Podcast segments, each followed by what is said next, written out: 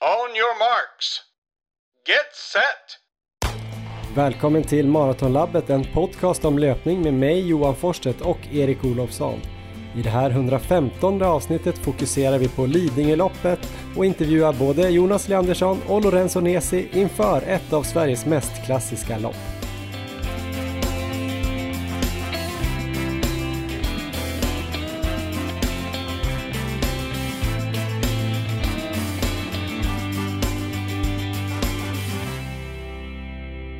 Ja men då ska ni alltså vara varmt välkomna till avsnitt 115 av Maratonlabbet som ju jag, Johan Forsstedt, gör tillsammans med dig, Erik Olofsson. Hur är läget i Uppsala? Det är bara bra i Uppsala Johan, men eh, först måste vi få höra idag här om ni har fått någon tillökning i familjen. Vi spelar in här alltså fredag förmiddag och eh, det här avsnittet släpps ju på tisdag. Hur är läget just nu? Just nu så sitter jag och spelar in då. Emma som då bär på det här barnet eh, står och eh, bakar bröd i köket. Härligt. Igår la hon pussel och i förrgår tror jag att hon bakade bullar och äh, men, eh, det är mycket så här uh, boa in sig. Vi har fixat en massa saker hemma och Ja, mycket så här förberedelser och hon börjar bli taggad tror jag på att få åka in till förlossningen. Det är ju faktiskt 40 plus 2 idag så att eh, BF var här för två dagar sedan och nu när det inte hände någonting här de senaste två dagarna så tänkte vi att vi spelar in idag eh, så att vi hinner göra det här avsnittet för det är mycket möjligt att det kommer igång här i helgen och då kommer det vara svårt att spela in måndag och komma ut på tisdag så att eh, jag vet inte, jag tippar på typ söndag kanske. Ja, spännande. Men dagens avsnitt Erik, det ska handla om eh, Lidingöloppet där 30 kilometers loppet i alla fall avgörs eh, på lördag då, nu när ni lyssnar på det här. Vad tänker du om Lidingöloppet? Har du några kopplingar till det Erik? Jag sprang Lidingöloppet första gången jag var 18 år och då var jag, mm. ja jag var ju fotbollsspelare på den tiden. Sprang väl lite då och då men eh, det var inte så att jag hade någon så här taktisk kunskap egentligen om hur jag skulle lägga upp loppet. Jag sprang ju aldrig i terräng egentligen. Ehm, så att, eh, men jag åkte ner i alla fall, jag tror min pappa skulle springa om jag minns rätt och då fanns det en sån här juniorklass, 10 eh, kilometer och det skulle jag köra. Så jag radade upp mig där på startlinjen och eh, på startlinjen då i juniorklassen så stod ju även Mustafa Mohammed. Så då kan ni ju lista ut själv där hur gammal jag egentligen är. Och vi kan säga så att en av oss sprang väldigt bra och vann loppet till slut och den andra fick kramp i abborrbacken och eh, ja, tog sig till slut inte i mål utan bröt. Så det var min första upplevelse av Lidingöloppet. Eh, jag nämner inte vem som gjorde vad. Jag gissar på att det var ändå du som fick kramp och det värmer mig något oerhört som Jag har haft väldigt mycket kramp i abborrbacken genom eh, min då löpar, eh, ja karriär är det ju inte men eh, tiden som löpare så att, eh, ja men hur var det då? Kommer du ihåg den känslan? Eh, ja, men det var ju en, eh, en, fruktansvärd känsla. Jag låg ju där och skrek lite, sen försökte jag springa lite till och eh, det gick ju bara inte. Så det var ju en sån här walk of shame eh, hela vägen in till mållinjen där, för där stod ju min pappa och väntade där och skulle fotografera mig när jag skulle springa där nerför upploppet och då kom jag istället eh, lite från en skogsdunge ut istället. Så det var ju ingen, ingen höjdarupplevelse. Men eh, du Johan, du har väl eh, betydligt eh, mer positiva minnen av Lidingöloppet, eller det kanske inte är så, för nu hörde vi lite om kramp här. Men jag vet ju att du har sprungit det otal, ett otal gånger i alla fall, det är ju ett stort lopp för dig. Mm. Alltså jag har ju någon typ av hatkärlek till Lidingöloppet. Jag gillar loppet supermycket men det har aldrig riktigt gått så bra som jag har hoppats.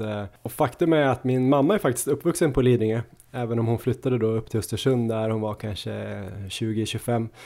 Eh, och min mormor och morfar bodde ju bara 500-600 meter från Grönsta Gärde när jag växte upp. Så jag har ju varit där ute mycket i hela min uppväxt och hängt på det här Grönsta Gärdet och Lidingövallen och Bosön och badat på Fågelö udde så här. Så att eh, jag tror att det är därför jag tycker om det lite extra mycket. Att det är mycket så här barndomsminnen någonstans eh, undermedvetet. Och det var ju också det första stora, lite längre loppet som jag sprang 2011 eh, när jag fortfarande spelade fotboll men hade börjat springa lite i alla fall. Det gick inte jätte, jättebra men jag har ju fortsatt springa det så jag har sprungit det fem gånger, alltså Lidingöloppet 30. Oj, ja. Och och äh, men som sagt det bästa resultatet var ju 2019 men då var jag inte heller riktigt nöjd. Då sprang jag ju på 2.06 och mitt långsammaste lopp var ju 2011 då på 2.32. Så jag har ganska många olika upplevelser av loppet men äh, jag har fått kramp tror jag eller krampkänning på alla fem lopp. och eh, också gått eh, sista milen väldigt mycket och eh, jag vet inte om jag har skämts men lite kanske. Jag har varit irriterad på mig själv att jag eh, har varit svag. 2019 gjorde jag ändå någon typ av eh, ganska hård satsning för att klara under två timmar och det gick väl bra i 20 kilometer tror jag. Jag hade fortfarande rätt snitt vid 22-23 men där började jag få kramp och var tvungen att sakta ner. Så att jag tappade ju väldigt mycket framförallt från abborrbacken och in i mål. Och eh, någon gång skulle jag ju vilja springa det där loppet eh, utan problem. Eller att jag kan ha, ha rätt takt hela vägen in så att säga. Ja, våra track record här för Lidingöloppet är ju inte jättebra, men eh, planen är ju att idag så ska vi lära oss eh, allt vi behöver för att eh, kunna leverera. Ja, det är jättebra att vi gör det här avsnittet. Ni som lyssnar kanske tror att ja vad schysst, de gör ett avsnitt för oss som ska springa Lidingöloppet. Men nej, det här är ju bara för oss själva. Så att vi har ju ringt upp då två stycken som kan hjälpa oss med det här. Dels är det Jonas Leandersson som eh, många tror kan springa riktigt bra här på lördag med tanke då på sin bakgrund som orienterare. Och det är ju inte för att det är svårt att hitta på den här banan utan eh, mer för att det är en backig banprofil man tror på honom. Han var ju trea i fjol också på 15 kilometer då han sprang på 46.11 vilket ju är en grymt bra tid. Och sen har vi ju ringt upp även då Lorenzo Nesi som eh, dels går igenom några av Leanderssons svåraste konkurrenter här på lördag. Men så ger han också en riktigt bra bangenomgång. Eh, kanske den bästa jag någonsin har hört eller läst. Eh, så att eh, det är nog bra att sitta kvar och lyssna om ni ska springa på lördag. Men först innan vi kommer till intervjuerna så tänkte jag prata lite om dig Erik. Du har kommit igång lite med löpningen nu. Du har varit sjuk och sliten men nu springer du dina vanliga 30 km distar varje dag här. Ja, jag var ju sjuk senast vi spelade in och det slutade på nio dagar helt utan träning då innan jag kunde börja smyga igång löpningen igen. Och jag hade ju varit otroligt sliten innan, det var ju Bydalens fjällmara där bland annat som eh, satte sig i benen. Så att jag var ändå ganska nöjd och var sjuk. Det kändes som att ja, det här är precis det jag behöver så kommer jag komma tillbaka sen med helt fräscha och pigga ben. Eh, men det har visat sig att det blev inte alls fallet utan nu har jag sprungit i sex dagar och eh, det är liksom inte ens nära att jag kan lägga in någon kvalitet. Jag är fortfarande stel och orörlig så att jag har bara sprungit lugna pass. Okej, jag har haft några lite längre på tre mil men eh, på slutet där så har det varit riktigt, riktigt stelt. Så jag har fått börja med en massa rörlighet, stretch, flowpillow och annat nu för att försöka få ordning på det här. Jag har ingen liksom förbättring ännu, men jag hoppas väl snart kunna komma tillbaka till det normala, för det känns ju som att det var jättelänge sedan jag kunde träna för fullt och köra kvalitet och sådär. Så att eh, jag kämpar på, så får vi se. Jag hoppas kunna lämna någon positiv rapport sen. Det känns som att det var länge sedan för min del. Hur påverkas du av det här då Erik? Börjar du känna dig stressad eller lite oroad? Um, ja, alltså om man ser det då som att jag ska göra ett bra maraton här i höst så då börjar jag misströsta, det måste jag säga, för att nu tiden rinner ut för det känner jag, jag kommer inte ha tillräckligt mycket tid för att kunna få en riktigt bra uppladdning. Så att på det sättet så så känns det lite tråkigt. Eh, sen så är passen inte lika roliga heller, men samtidigt så är det liksom, jag kan springa, jag kan vara ute och köra långa pass och det känns så otroligt dumt att sitta och gnälla när folk är skadade och sådär, så att jag eh, försöker tänka på de bitarna här, att jag verkligen kan springa och jag antar ju att det kommer ju släppa snart. Så att det är, jag vet, det är väl både lite positivt och negativt, men det kunde ju vara mycket, mycket värre och jag känner ändå att jag, jag är ju på gång, jag kan springa och det det borde släppa snart, men eh, det blir tufft att eh, kunna göra några bra lopp här inom den närmsta tiden. Men hur eh, hanterar du de negativa tankarna då som kanske kommer? Jag har tänkt på det på sistone. Dels var jag ganska gnällig ja. i förra avsnittet och jag har sett många som har uttryckt liknande tankar här på antingen Strava eller på Instagram på sistone. Sådana som typ oss som satsar ändå ganska mycket på löpning men kanske inte är elitlöpare eller bara springer utan de kanske har något jobb men, men de lägger mycket allvar i sin satsning på något sätt och verkar bli lite deppade när det inte går så bra som man eh, tycker. Eh, har du något tips där hur man ska liksom gå vidare när kanske löpningen, jag vet inte, nästan blir att den blir för allvarlig eller att man blir deppad av att det inte går så bra? Kanske inte, alltså jag fattar om man är skadad är det ju riktigt tråkigt, men ja. man är inte skadad men det ändå inte släpper. Ja, men precis. Det blir lite olika, för är man skadad då är, det ju, då är det ju tuffare än vad jag har det. Men jag försöker väl helt enkelt ändå fokusera på de bitar som är eh, positiva och eh, tänka på det, att jag trots allt är igång nu igen och kan träna på att börja komma upp i högre volym än vad jag kunnat nu på de senaste sju veckorna. De senaste sju veckorna har jag inte varit över åtta mil eh, någon vecka alls. Så att nu kommer jag ju komma upp eh, högre den här veckan och det är ju väldigt positivt ändå. Eh, sen får man försöka kanske ändå ah, jag försöker väl vara lite i nuet när jag är ute och eh, ändå njuta av att kunna vara utomhus och eh, få springa och sådär. Det är ju väldigt härligt löpväder nu för tiden. Vi har ju kämpat på här mm. i tokvärme och sånt där, så jag försöker väl tänka, tänka lite sådär. Men det, det är såklart, det är, inte, det är inte alltid så lätt. Och det, jag har ju Ehm, ändå haft dagar nu på slutet måste jag säga när det inte har känts så roligt att springa. Och eh, det kan jag väl säga att så har jag inte känt under hela året innan utan då har jag ju alltid varit supermotiverad. Men det har varit lite tuffare på slutet men jag hoppas väl att det där ska vända snart. Jag är ändå eh, riktigt taggad på att komma igång. Härligt! Men över till dig Johan. Du har sprungit eh, Stockholm halvmaraton här senast och du kom ju in där i du, du blev lite en faktor i damklassen som jag har förstått det där, när du drog ett gäng med några av elitdamerna i.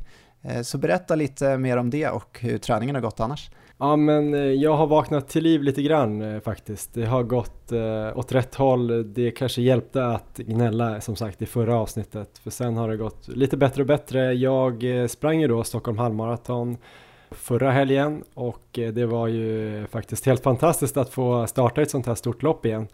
Jag har ju inte sprungit något större lopp sedan restriktionerna har släppts. Eh, det var ju över 6000 pers till start, sen var det ju uppdelat på sju startgrupper men ändå bara att eh, i första startgrupp var 900 personer som kunde röra sig ja, men fritt och tight och även om man försökte hålla lite avstånd såklart så det var ju otroligt eh, härligt och fint väder, typ 20 grader och bara fest egentligen. Ja.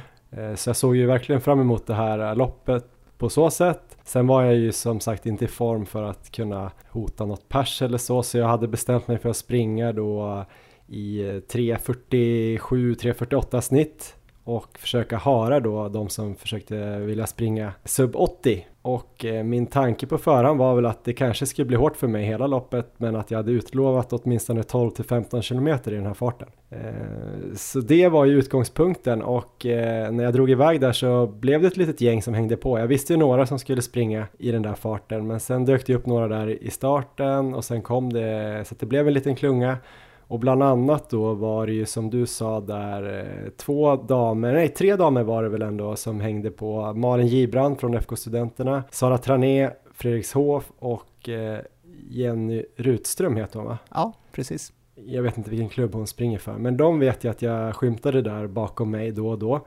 Och eh, jag ska väl inte gå igenom hela loppet som en äkta race report, men det var ju lite speciellt där att banan startade ganska rakt uppför och sen så platt och sen rakt nerför. Och det var ju mycket snack där i förra avsnittet om hur man skulle hantera det där. Och jag försökte faktiskt lägga i någon handbroms där uppför och blev omsprungen av väldigt mycket folk. Men jag vet inte om jag tryckte på lite för hårt på platten och nerför för första två kilometerna gick ändå strax under eh, 7.30 eh, och jag borde haft 7.34 eller kanske till och med lite långsammare där första två kilometerna ja. så möjligtvis en lite hård öppning och jag ber om ursäkt om jag knäckte någon där men eh, det kändes som att folk hade ganska bra kontroll. Du är ju också snabbare i backar än på platten Johan, så det, ju, det kan ju vara en faktor också. ja, så det kanske var perfekt eh, pacing för mig själv i alla fall då.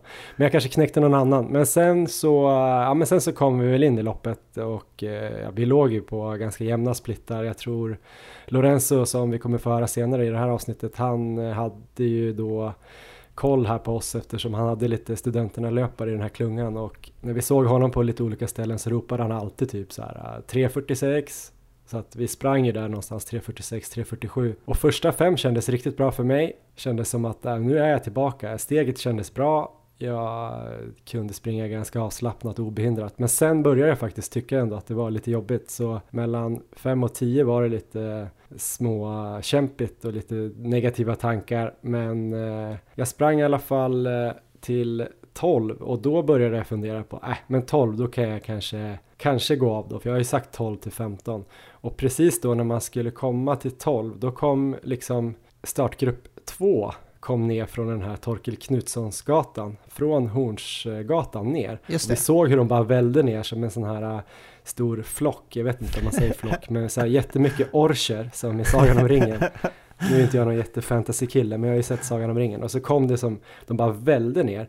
Och då kände man ju fan, det här kommer bli krångligt ju. Om de som också då är lite långsammare hamnar som en propp framför oss här på Stadsgårdsleden. Så då tänkte jag så här, ja ah, men nu passar det ju bra att jag, jag skippar det här nu. Jag kommer Ja. ändå inte kunna springa på. Så att jag, jag kör 12 och sen ja, flyter jag med och springer ett varv till så att det blir ett okej halvlångt pass i alla fall. Men precis när jag hade tänkt det så började jag komma på så här, men vänta nu, jag har ju ändå Eh, fortfarande då, jag tror att Jenny Rutström hade släppt, men Sara Trané och Gibran var ju med mig. Och då kände jag lite så här, men vänta nu, det här kan ju typ avgöra hela eller jag har ju liksom dameliten eller damtäten med mig här. Jag måste ju typ försöka hjälpa till. Eh, nu ska jag inte höja upp mitt eget agerande här, men jag Ska vi börjar... tillägga där att Malin Skog hade ju legat framför er i ledning under loppet där, men ni kanske börjar närma er henne här också. Ja, men vi såg henne nästan hela loppet, men eh, hon låg kanske runt eh, 30 sekunder före. Ganska jämnt. Jag tror hon gick ifrån oss direkt i början och sen låg vi ungefär jämnt tror jag från 5-10 kilometer i alla fall. Och vi såg henne här en bit framför, för det är ganska långt och rakt där på eh, Söder Mälarstrand. Så vi såg att hon eh, sprang in i den här folkhopen. Jag vet inte om hon hann precis innan eller om hon hamnade mitt i, men när vi kom fram i alla fall, då började jag skrika åt folk att de skulle hålla höger och att eh, damtäten kom. Ja, okej. Och då fick jag på någon konstigt sätt någon energi av det där. Att jag hade något annat att tänka på än att jag var trött. Så att, eh, det blev min räddning också att få lite mer kraft. Så jag lyckades ändå få folk att eh, hålla till höger så att vi kunde springa förbi där. Och det kan ju varit så att eh, de fick hjälp då, Sara och Malin av det där, alltså Gibran. Och att inte Malin Skog fick den hjälpen eftersom hon var själv. Det vet jag inte, men jag tror också att hon såg lite trött ut där framme generellt. För sen blev det min nästa grej då att eh, när vi såg henne i, i backen upp där efter Viking Line så kände jag också så här att ja men nu är vi nästan i, i kapp henne. Men jag kände också lite att då var hon själv och så kände jag att jag sprang med de här eh, Malin och Sara där som hade lite hjälp då av att vara i den här klungan. Så där vid 15 så blev det väl eh, dubbelt. Dels så var jag ganska trött och tyckte att jag hade fått ett eh, ordentligt bra pass. Och dels så kände jag väl lite kanske att eh, nu var alla de här eh, bra damerna, topptrion ihop, så tänkte jag att de får avgöra det här själv. Eh, så då gick jag av och hängde lite med Emma och Elmer där i några minuter tills jag då såg eh, en kompis och granne här som, som sprang sitt första varv och eh, då hoppade jag på och började hara henne eh, sista sex. Så det blev ju kul att jag fick hjälpa henne lite till eh, PB också. På hennes första varv var det i och för sig. Men, eh, så det blev en dubbelharning. Kul, låter som en rolig dag ändå. Ja, det var eh, svinroligt och eh, det kändes ju ganska bra för mig men framförallt var det ju kul då att eh, det var en rolig tävling. Ehm, Och till sist kan vi säga då att Sara Trané vann Fredrikshof och Malin Gibran kom tvåa Malin Skog trea. Och de missar väl precis sub 80. Jag tror kanske att våran 10 till 15 var någon sekund långsammare än första milen. Och sen kanske de tappar någon sekund till när jag klev av där. Men eh, eh bra resultat. Sen var det väl lite synd att eh, det blev sådär att de olika startgrupperna gick i varandra. Eh, hoppas att det inte avgjorde. Jag tror till exempel att eh, herrvinnaren borde kanske ha kommit förbi innan de kom ner där. Men det hade man väl kanske kunnat räknat ut lite bättre eller låtit dem hålla en, en fil till höger sådär redan, alltså konat upp någonting där. Men eh, det var ju första gången de sprang den här banan och kanske sista så att eh, det var väl som det var. Ja, men nu är vi på väg tillbaka till lite mer normala förutsättningar för lopp, så att det kommer bli riktigt kul framöver. Ja, men jag vet ju min eh, tröskelfart nu då. Det är ungefär 3.45-47 kanske. Jag låg ju nästan eh, jag låg ju nästan 50 minuter i min zon 4 där på loppet eh, och kanske inte var riktigt uppe i toppen där hela tiden. Jag var absolut uppe på det någon gång men snittet var väl strax under så att någonstans 3.45 var väl min tröskel den dagen och jag kan tippa att det är ungefär 10 sekunder långsammare än när jag var som bäst i våras i alla fall. Så jag vet ju vad jag har att jobba på. För det här ska ju bli din marafart då inom ett par månader. Ja men kul att du påminner mig Erik. Eh, det känns helt eh, orimligt kan jag ju säga. Men vi får väl se vad som händer. Det blir ett kul experiment. Ja. Eh, just nu känns det totalt orimligt. Men det kan ju vändas. Det kommer vända. Vi har ett samarbete med Löplabbet som är Sveriges största och bästa butik för löpare med åtta butiker i Sverige från Umeå i norr till Malmö i söder. Riktigt bra och innehållsspäckad hemsida har de också, löplabbet.se där man såklart kan, kan köpa grejer men också läsa om eh, massa olika saker, guider och tips. Eh, Anders Alkaj tipsar om distansträning bland annat. Eh, de har den här devisen ingen springer som du och tänker då att olika skor kan passa olika bra på olika fötter och på löpare med olika löpstilar. Och du Erik har ju till idag då provat New Balance Vongo. Det har jag. Passar de dig och din löpstil? Ja, men det måste jag säga. Jag har faktiskt testat, eh, vad ska jag säga, tre nya kandidater till distansskor. Eh, för jag brukar ha tre olika par då som jag roterar emellan just på distanspassen och mina lugna långpass. Och eh, ett par var ju precis de här New Balance Vongo 5. De har en vikt på 284 gram i US 9 och ett dropp på 8 mm. Tidigare hade Vongo ett dropp på 4 mm eh, så den uppdateringen nu gör att man får lite mer driv i steget och det tycker jag är väldigt positivt. Sen har den fått sån här Fresh Foam X i mellansulan som ska ge en bättre dämpning och det är ju en väldigt viktig faktor då när man väljer distansskor. För man vill ju kunna få in många mil utan att slita för mycket på benen. Den har också en stickad mesh ovandel så den känns eh, väldigt luftig, det är bra ventilation. Så jag är överlag faktiskt väldigt nöjd, eh, den är otroligt skön, sitter bra, riktigt bra dämpning men ändå bra driv när man springer. Så den här kommer helt klart gå in i min uppsättning distansskor framöver. Och den kommer mm. väl framförallt kanske användas på eh, långa pass i lugn fart skulle jag säga. Sen har jag också provat, ja vi har ju faktiskt båda provat Hoka Clifton 8. Den eh, väger 257 gram i US 9, dropp på 5 mm. Och jag hade inte sprungit i Clifton tidigare, men jag måste säga att jag var faktiskt väldigt skeptisk till modellen på förhand. Och det var baserat på väldigt blandade recensioner av Clifton 7. En del som jag läste var väldigt nöjda, medan andra var väldigt missnöjda och eh, skickade tillbaka sina.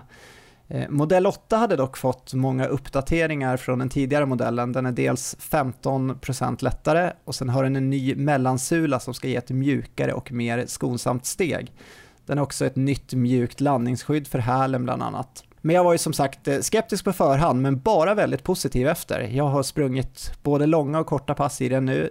Den sitter otroligt bra. Känslan eh, när man springer i den påminner mycket om Vongo 5. Eh, väldigt mjuk och skön men ändå rätt bra energiåtergivning. Så den här går också rakt in i min eh, nya distansskouppsättning och eh, användningsområdet kommer vara ganska liknande som eh, Vongo 5. Jag kommer köra den på långa, lugna pass samt eh, kortare återhämtningspass. Har du något du vill tillägga där om Hoka Clifton 8? Nej, inte mer än att jag sprang i Clifton 6 ett tag. Och det var ju på den tiden när Hoka kanske fortfarande var lite ensamma om att göra så här skor med väldigt tjocka sulor. Ja. Så då kändes ju de lite märkliga när jag köpte dem. Jag ville gärna prova. Och jag gillade dem inte från början för jag tyckte de var för mjuka och för mycket dämpning. Men när jag hade sprungit in dem ett tag och de kanske blev lite ja, stummare, det låter ju konstigt att man skulle lira dem då, men jag kände att jag fick bättre träff i dem där ett tag och sen är det ju lite, om man är van med 10 mm dropp och plötsligt springer i 5 så Aha. kan det ju också vara en liten period där man vänjer in sig men eh, på senare tid och nu med Clifton 8 så tycker jag att det är lite kul att ha skor som är lite olika dropp för att man kanske ja, får belasta kroppen lite olika på olika pass eh, och just med mina hälsenor också kanske inte toppen har 5 mm men jag tror också att det kan ibland vara bra att, att, att träna på det så att säga, att det blir lite mindre eller avlastning där vid hälen. Men i, i samma där, jag springer mest med de här på, på återhämtningspass. Ja, Ja, men det låter bra. Eh, sista distansskon som jag får testa är Asics Nova Blast 2. Den eh, väger 275 gram i US 9 och har ett dropp på 8 mm. Jag har tidigare sprungit mycket i A6 Nimbus Gel, både version 1 och 2. Jag var nöjd med båda, men framförallt version 1 som överraskade mig stort när jag testade den. Den var riktigt rapp. Och den hade jag på alla mina distanspass som gick i lite högre fart eller sådana här distanspass där jag ville få in lite fart på slutet i form av strides eller backsprints. Och Nova Blast 2 går in i samma kategori. Den har fått en ny form på mellansulan som ska fungera lite som en trampolin för att ge extra bounce i varje steg. Och jag kan nog skriva under efter att ha sprungit med den nu eh, i en dryg, dryg vecka att eh, det fungerar. Den känns väldigt rapp och eh, är nog den av de här tre modellerna som känns snabbast. Så den kommer jag använda till kortare men lite snabbare distanspass de dagar benen känns pigga. Så där har vi min nya uppsättning distanskor. Alla tre var riktigt bra denna gång. Vi är inte sponsrade av något specifikt märke, så skulle jag ogilla någon modell skulle jag verkligen säga det. Men sen så är det ju såklart eh, individuellt vilka skor som känns bra för olika personer. Så vårt bästa tips är väl ändå att eh, gå in på löplabbet, be om hjälp och testa själv några modeller där på deras löpband för att hitta de skor som passar er bäst. Tack löplabbet! Vi är också sponsrade av Smartfish. Eh, det är ett norskt företag som gör återhämtningsdrycker till eh, aktiva personer och elitidrottare. Jag vet inte vad vi är där, någonstans mitt emellan kanske. Eh, de gör ju tre återhämtningsdrycker som heter Recharge Fuel, Recharge High Protein och Recharge Omega 3. Sen senaste avsnittet har ju vi fullkomligt bälgat i just de här dryckerna och vi är båda på väg tillbaka, eller hur Erik? Så det måste ju fungera, det är ju vetenskapligt bevisat. Ja men det tror jag. jag. det är ju en del av min rutin nu. Jag kommer hem efter löppassen här och sen så häller jag upp en Smartfish och dricker den. Det är ju det är supertrevligt. Det är något jag ser fram emot här efter, när jag kommer hem där efter tre milaren. Det kanske inte är bara på grund av Smartfish som vi börjar känna igen oss själva lite mer utan vi har ju försökt sova bättre och äta bra generellt och sådär och vila. Men det kan ju vara ett bra komplement som kanske gör en del av skillnaden. Det är väldigt enkelt att ta efter träningarna och alla de här tre dryckerna innehåller ju då omega-3 och D-vitamin som är viktigt att få i sig, speciellt nu då när det kanske börjar bli lite mörkare här framåt hösten och vintern. En av de här då high protein har ju också 15 gram protein i sig för att se till då att musklerna får alla de här byggstenarna som de behöver för att bygga upp sig själv efter hård träning. Den har jag kört då främst efter de här hårda passen, till exempel då efter Stockholm halvmaraton.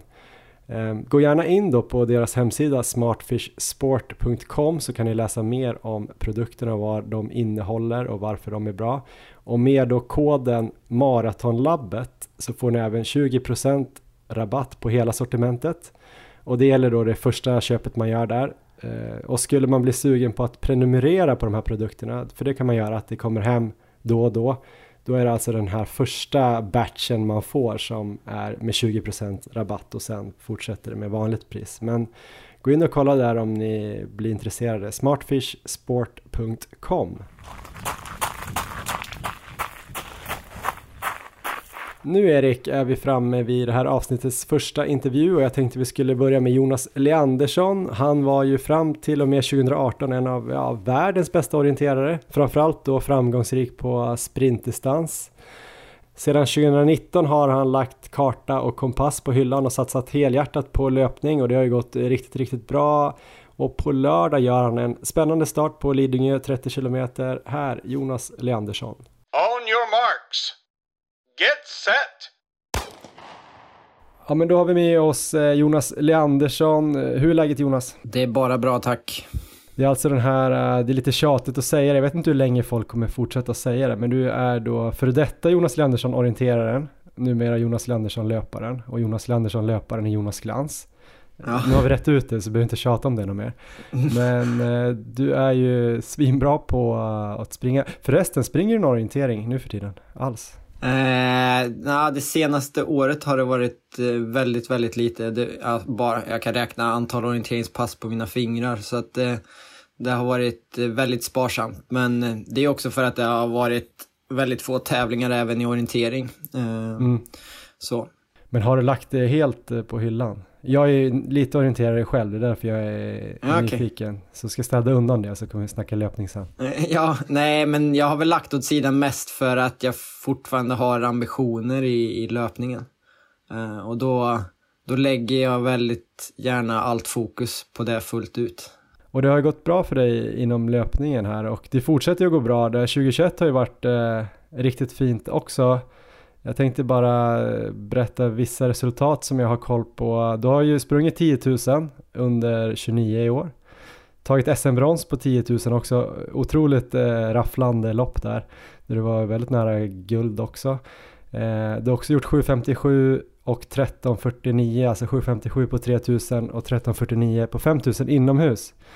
Vad tänker du om säsongen så här långt resultatmässigt? Ja, du sammanfattar den ju väldigt bra det med de, de loppen jag känner att jag verkligen har fått till det. Och på något sätt så, så bockade jag väl av egentligen tre drömgränser eh, på, på 3, 5 och, och 10 000.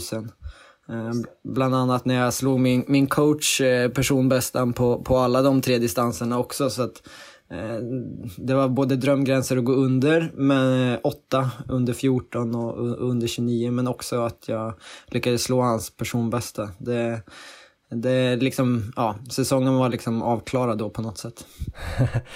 Förlåt min okunskap, men vem har du som coach? Eh, ja, men jag har Peter Fredriksson, eh, en gammal veteran friidrottare som har, sprungit mycket, som eh, även ja, har varit eh, hjälptränare i orienteringsklubben jag springer för Södertälje Kvarn. Så att vi har väl haft ett samarbete eh, ja, i stort sett sedan jag eh, bytte till Södertälje Kvarn i orienteringen från vid 2010 och strax efter det så har vi haft ett samarbete eh, som har varit eh, lite växlande grad så helt enkelt, men eh, kontinuerligt. Men i år då, eller vad skulle du säga att nycklarna har varit då för att du har fortsatt att utvecklas? Eh, nycklarna, jag skulle säga så här att det är ju två saker. Kontinuitet, eh, extremt viktigt tror jag. I alla sammanhang oavsett vad du liksom ska bli bra på. Eh, och då kontinuitet i att jag inte haft något annat som, som stört på det sättet men också att jag fått varit frisk och hel och fått springa eh, så mycket det, som det bara har gått eh, över lång tid. Eh, och där i den kontinuiteten så kommer ju också den andra faktorn in, corona tror jag också. Att, eh, att det har inte funnits så mycket annat som har liksom tagit tid eller vad man ska säga. Jag jobbar ju heltid. Eh, Och har velat göra det sen jag slutade min orienteringssatsning för att jag, ja, jag ville mest ha löpningen som andra hand liksom, vid sidan av. Eh, sen har det gått bättre än vad jag kanske trodde och tack med vad, var det corona då, så har det kanske blivit lite mer än vad jag trodde också. Eh, men det har också gjort att jag, jag tror att jag har nått den nivån som jag har idag. Är det tredje säsongen du satsar liksom eh, framförallt på löpning då, vid sidan av eh, jobbet? Ja, precis det blir det väl för jag slutade, gjorde sista, sista internationella loppet orientering slutet på 2018. Så hela 2019, hela 2020 och så nu 21 då. Mm.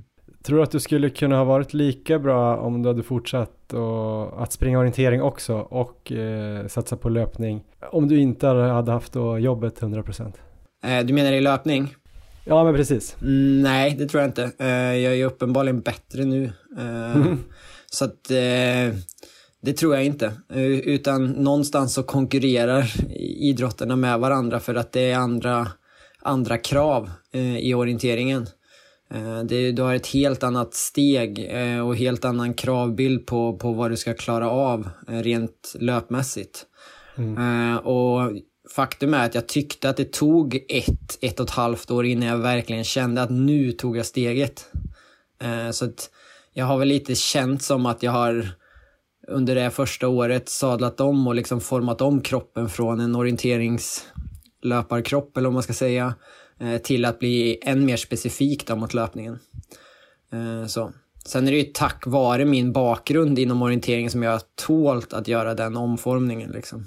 Vad är den största skillnaden då i steget? Jag blev faktiskt omsprungen här av Gustav Bergman ute i Nackareservatet här bara för en vecka sedan. Eh, Han är ju otroligt snabb i, i skogen, han är ju snabb även på flakt men inte som du men eh, lite mer sittande stil. Eller Mm. vad ska man säga att han har det? Exakt.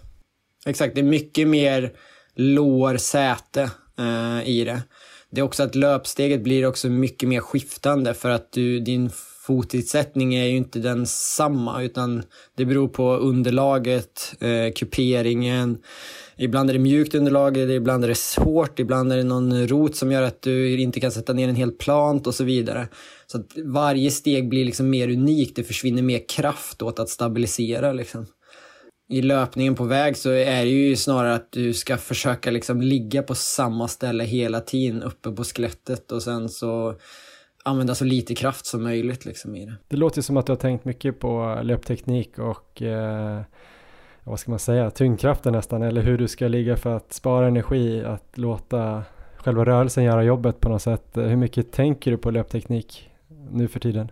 Ja, snarare kanske det har kommit liksom allt eftersom att jag känt att jag träffar rätt liksom. Att jag känner att okej okay, nu kan jag ligga i tempo där ansträngningsgraden är lägre än vad den var förut. Eh, och liksom gått andra vägen. Så att jag tror ju själva löptekniken kommer mycket av att springa.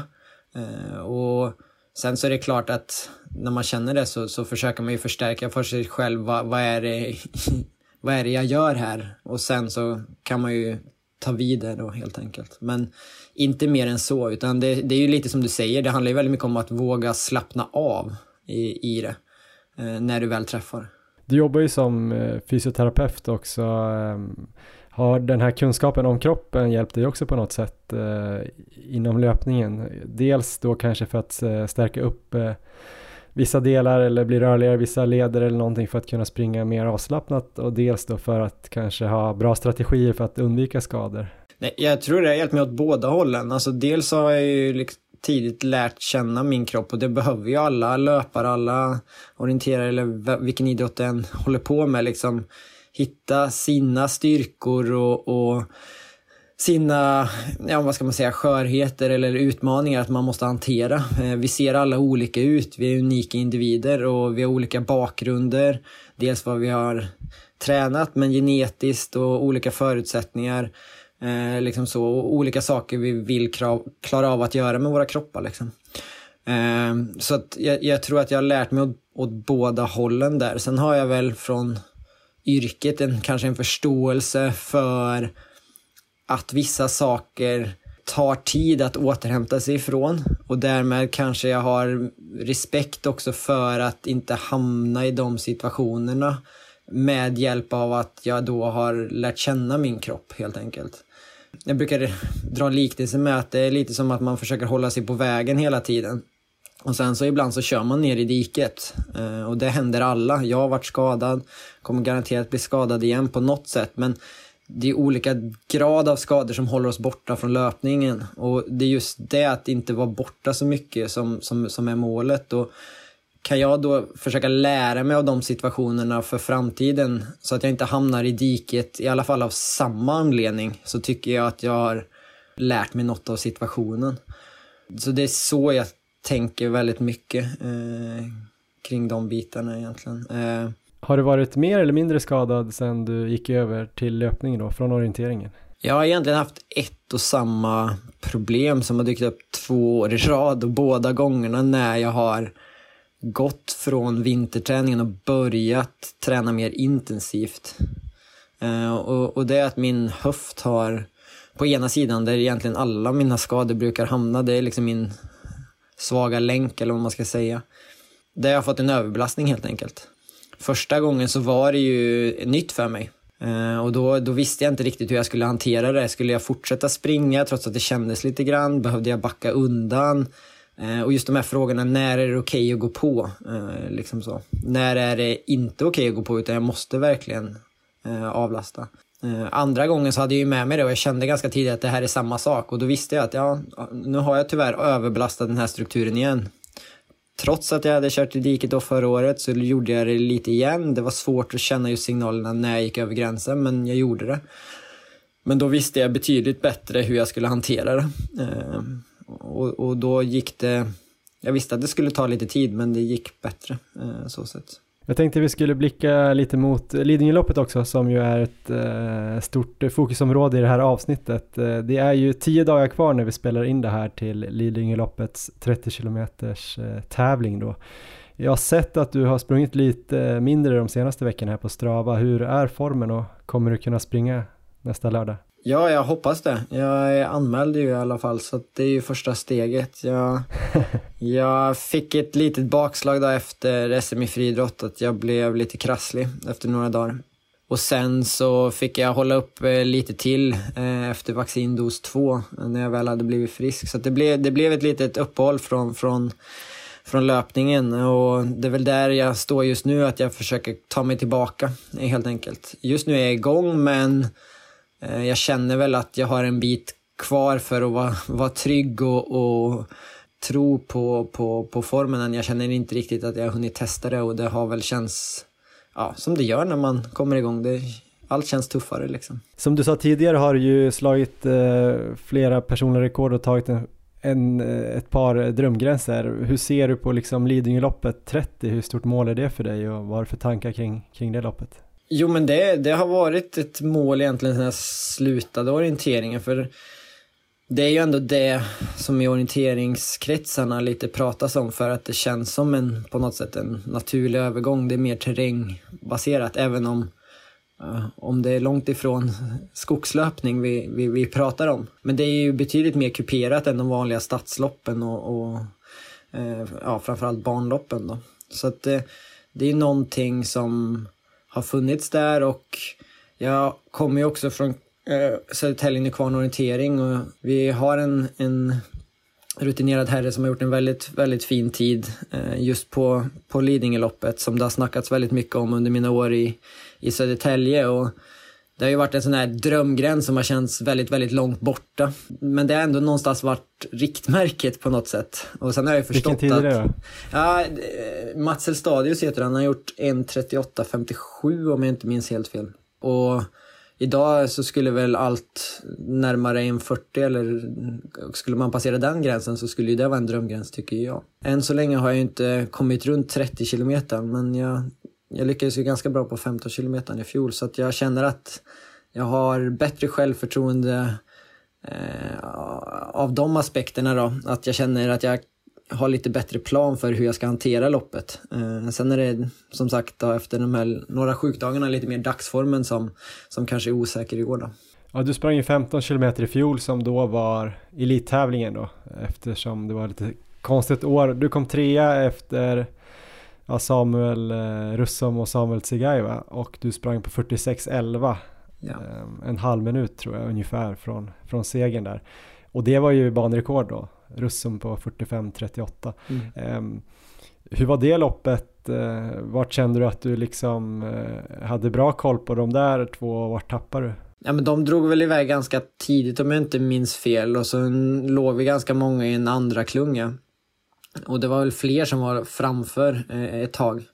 Eh, men så kändes det som att eh, efter 10 kilometer där när man kommer in lite mer på de här böljande eh, stigarna borta vid Bosan.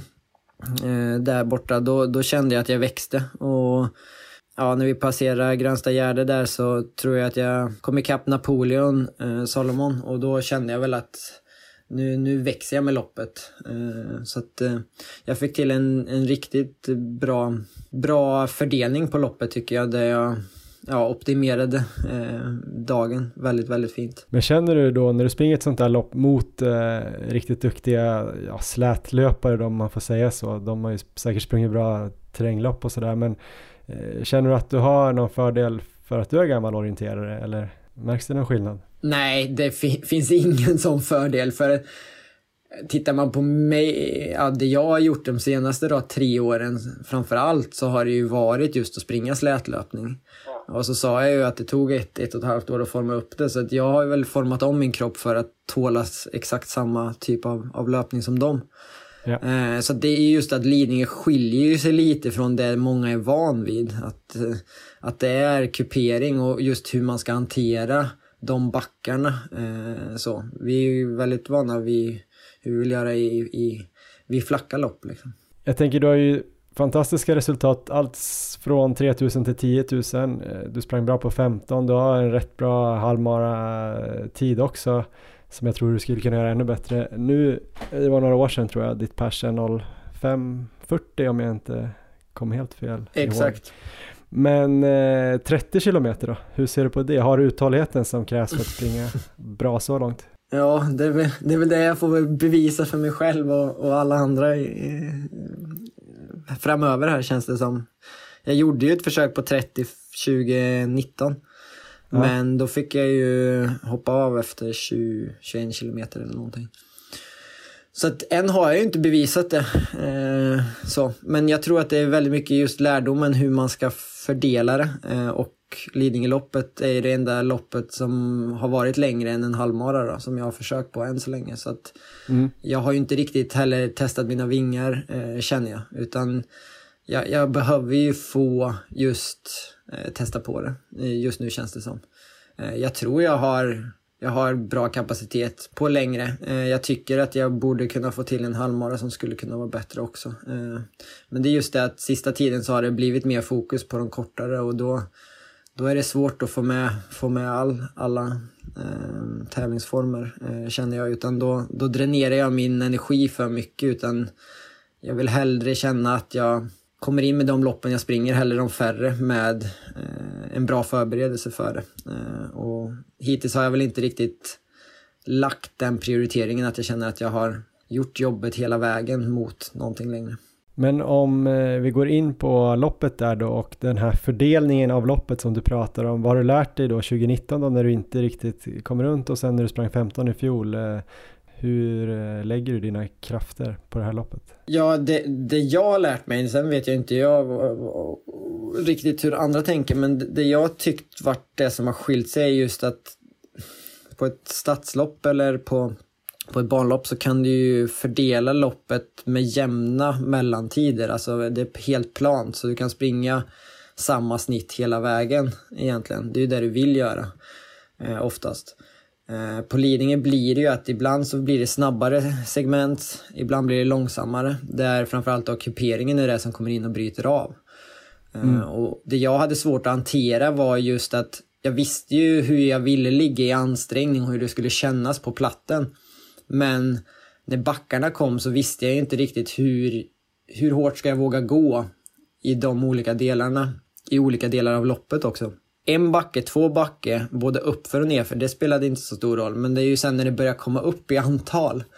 Eh, det är då jag märkte att eh, ja, vad jag tyckte var en kontrollerad ansträngning var alldeles för hårt helt enkelt. Och det var ju det som gjorde att jag fick kliva av också första, första året jag gjorde ett försök. Eh, året efter på 15 km, då hade jag bestämt mig för att verkligen kontrollera ännu mer. Så att för mig var det lite som att hela tiden hitta rytmen på platten och sen när det kom en backe, tänka att våga ta det extra lugnt och våga trippa, alltså bryta av steget. Både uppför och även hålla igen lite utför så att det inte blir att man bara släpper på fullt utan försöka tänka att backarna är det som bryter av. Sen gäller det att på platten då komma tillbaka så fort som möjligt till den här känslan som jag vet ungefär hur jag vill ha det. Eh, så det blev liksom mitt koncept eller min taktik som jag tyckte funkade betydligt bättre andra försöket. Det finns ju ett parti som ligger mellan 16,5 och 19,5 när man springer 30. Mm. Eh, och det partiet finns ju med på 15 kilometers banan också. Mm. Där det går upp och ner eh, nästan hela tiden och det är väldigt svårt att hitta en rytm. Det är nästan aldrig en sån där platt del som du pratar om där man kan komma in igen. Eh, hur hanterar du den sträckan? Det är precis den delen som, som, som ja, gjorde att jag gick över gränsen då första året. Och där är det precis som du säger, det är liksom nästan aldrig plant helt och hållet. Det blir det ju att försöka hitta ett mellanting där du i de flackaste delarna, där det inte är superbrant eller su uppför eller nerför, att det är där du hittar någon slags mm, mm eh, grundstatus helt enkelt. Och sen så gäller det att ha lite koll på banan tycker jag, så att man vet de där partierna, hur långt är det? Eh, när kommer nästa del där jag, där jag får utrymme att stämma av? Eh, så, men det, det är den kritiska punkten och det tycker jag det har pratats om mycket innan och förvarnats om för mig mm. också. Men det är först när man har sprungit det, även om jag gjort det på träning där ute så, så är det inte riktigt samma sak. Utan det är först på tävling jag har verkligen fått känna att ja, jag förstår, förstår vad de menar när de pratar om att det är något speciellt de där backarna, den, den biten du pratar om. Om vi tar några grejer inför då, det här kommer ju släppas på tisdagen innan loppet. Kommer du ha några sista pass, alltså några sista pass har du, men har du något hårdare från tisdag in mot loppet?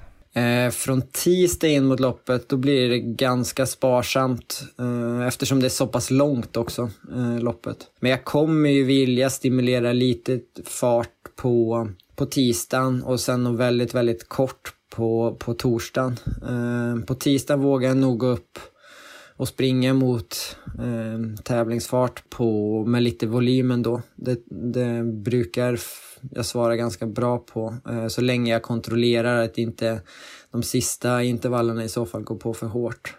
Eh, jag har inte bestämt än riktigt vad jag ska köra just för att jag känner att jag inte riktigt ja, efter sjukdagarna här vet hur kroppen helt svarar.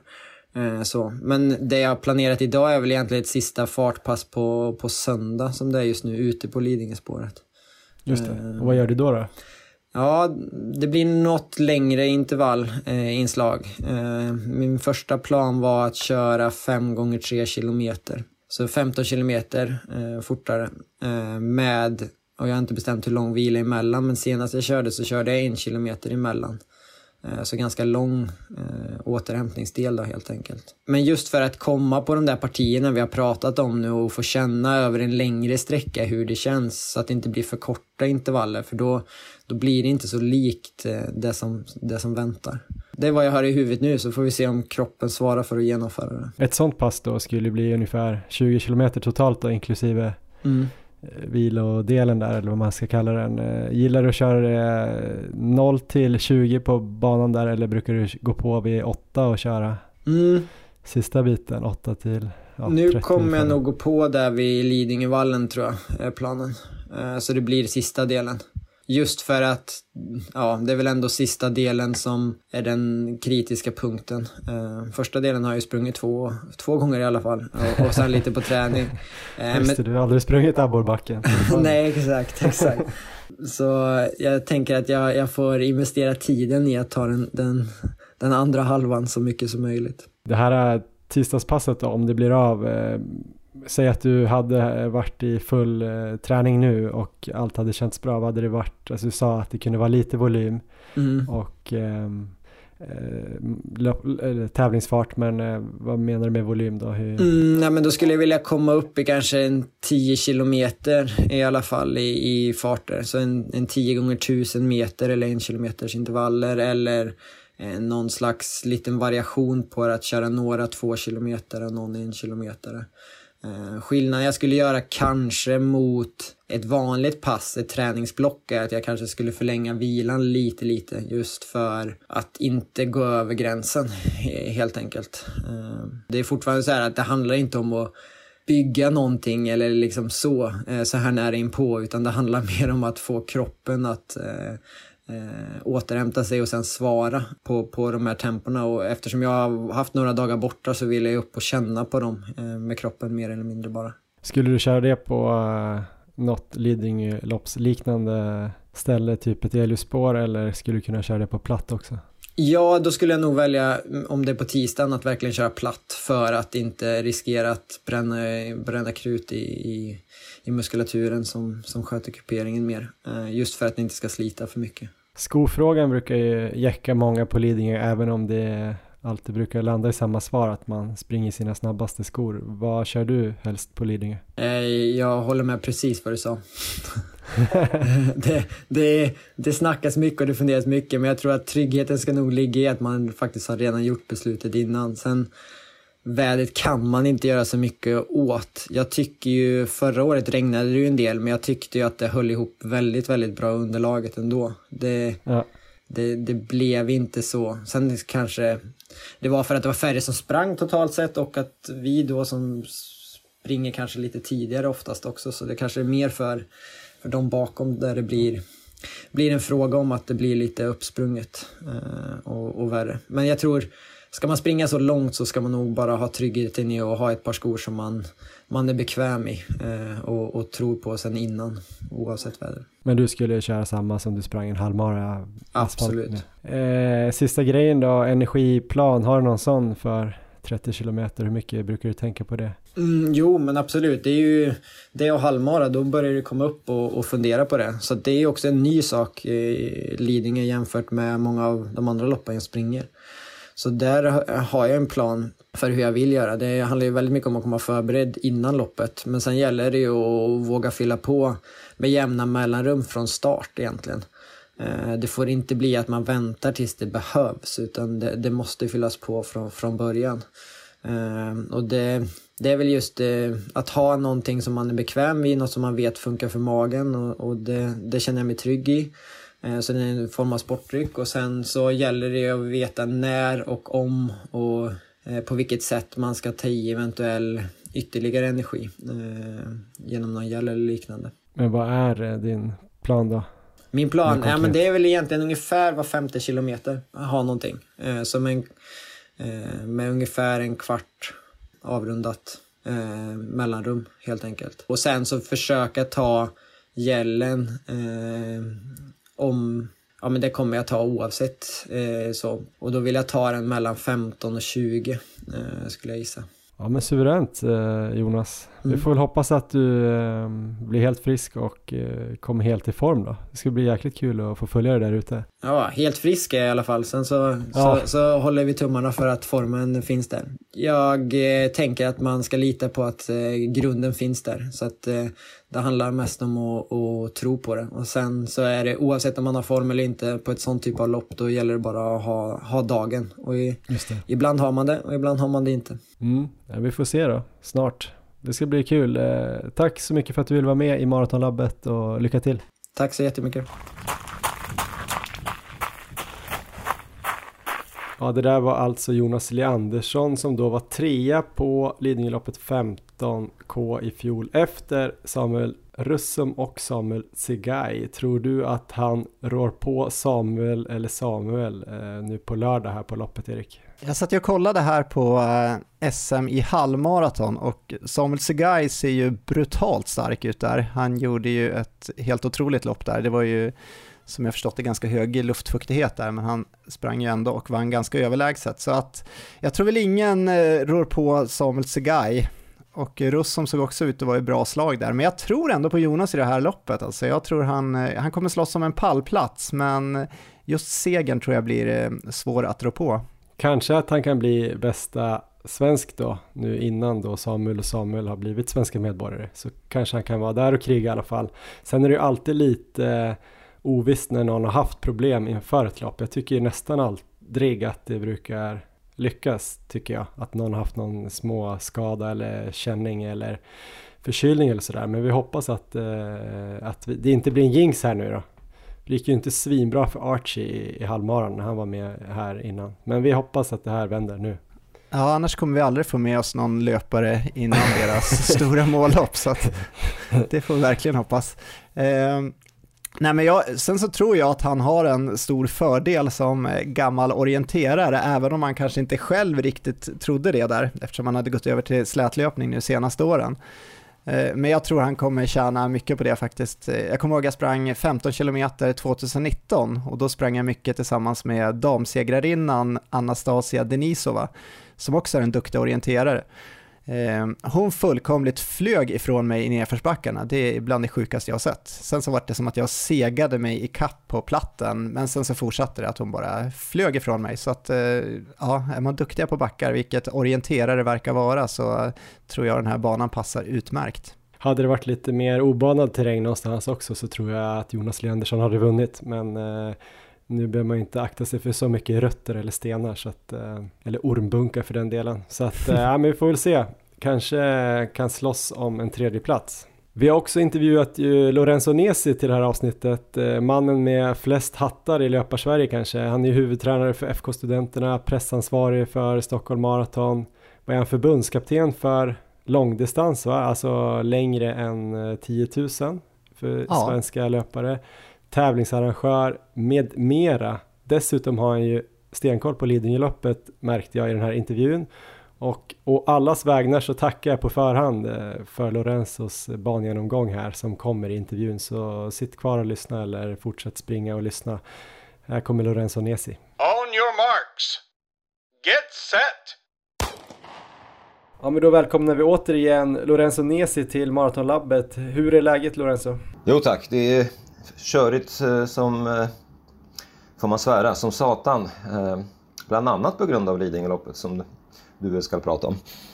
Ja men precis, man får absolut svära, det tycker vi bara är uppfriskande. Och eh, vad gör du då kring Lidingöloppet kan man fundera på? Av alla olika hattar har eh, så är Lidingöhatten lika med att jag är ansvarig för att rekrytera elitlöparna till Lidingöloppet. I fjol innebar det att jag rekryterade hela startfältet inklusive juniorklasserna. I år är det tack och lov eh, inte lika omfattande, eller snarare tack och lov det finns fler löpare än elitlöpare med i år. Just det, precis. Och det är ju superkul. Eh, lite först då, ska vi gå igenom några roliga namn här? Vi har ju pratat med Jonas Leandersson här i en intervju tidigare, men eh, vilka fler i herrklassen om man börjar med den tycker du ska bli intressant att, att följa på Lidingö? Ja, det är herrklassen som är bra. Det, det så har det varit hela året egentligen att det är mycket lättare att få ihop ett bra manligt elitfält på svenska lopp än kvinnligt.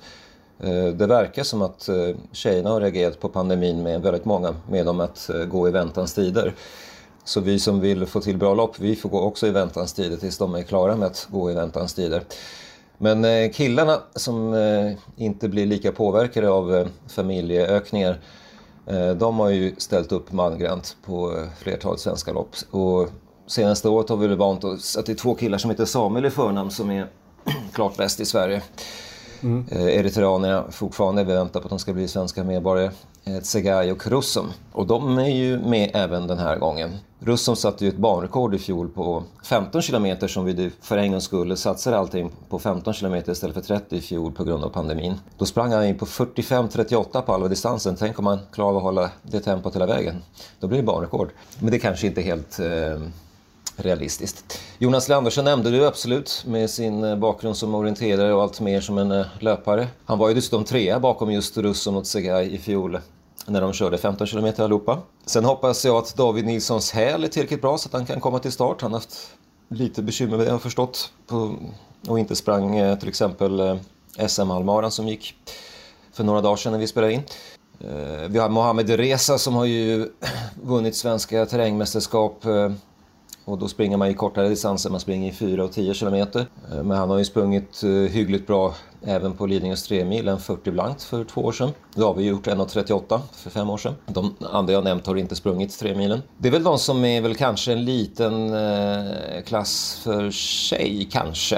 Eh, men vi har även sådana som John Börjesson, Daniel Lundgren, Archie Castil, möjligtvis båda bröderna Kingstedt. Kanske Linus Rosdahl, lite osäkert där. Kommer alla till start, ja, då har vi minst 10 killar som kan ju springa på någonstans 1.42 snabbare skulle jag säga. Hur står sig det historiskt skulle du säga, du som har koll på alla siffror? Det vore ju väldigt bra, framförallt i, i modern historia. Eh, men sen är det ju alltid så att om jag säger att de här 10-12 aktuella när det är en halv vecka kvar, då kommer det falla av en här, en där. Men eh, damklassen då? Hur ser det ut där? Du sa att herrklassen var betydligt bättre än så länge på pappret. Ja, och inte bara än så länge, så kommer det att vara. Det kan inte hända något. Alltså då ska vi få plötsligt tio afrikanska eh, kvinnliga löpare om det ska förändras.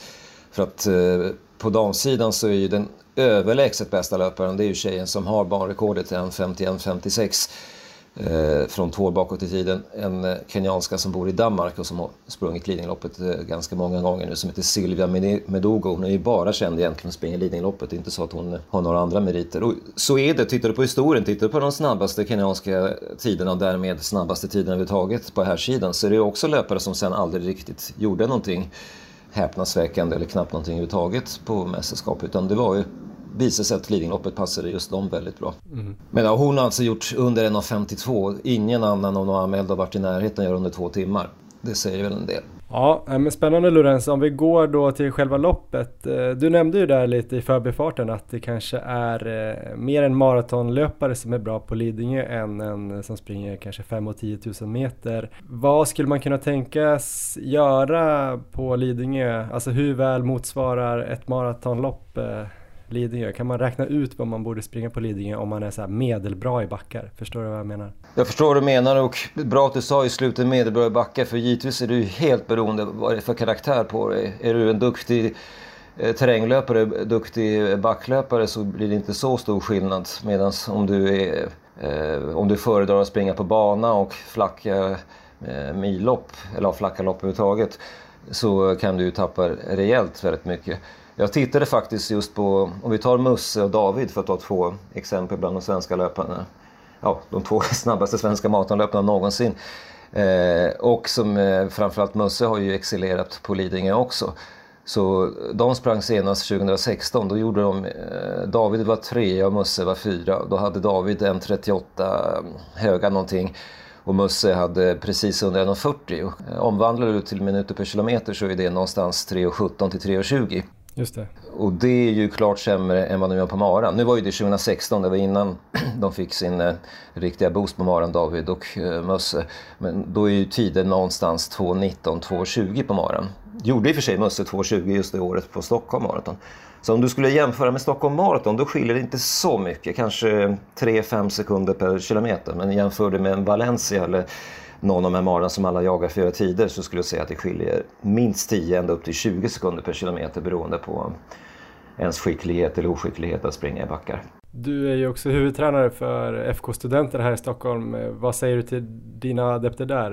Är det ungefär då lite långsammare än vad man kan hålla på jag har inte gått, Jag lägger inte så mycket tid att göra den jämförelsen utan vi, vi tränar man specifikt för Lidingöloppet så har man så många pass och all, alla träningar jag lägger upp bygger ju på att man ska ju springa någonstans i samma effort, samma ansträngning som eh, i, i tävlingsdistansen. Så där lär man ju sig vad som är rätt effort. Sen om det är 5, 10 eller 20 sekunders skillnad från eventuell maratontid, det, det, spelar egentligen mindre roll.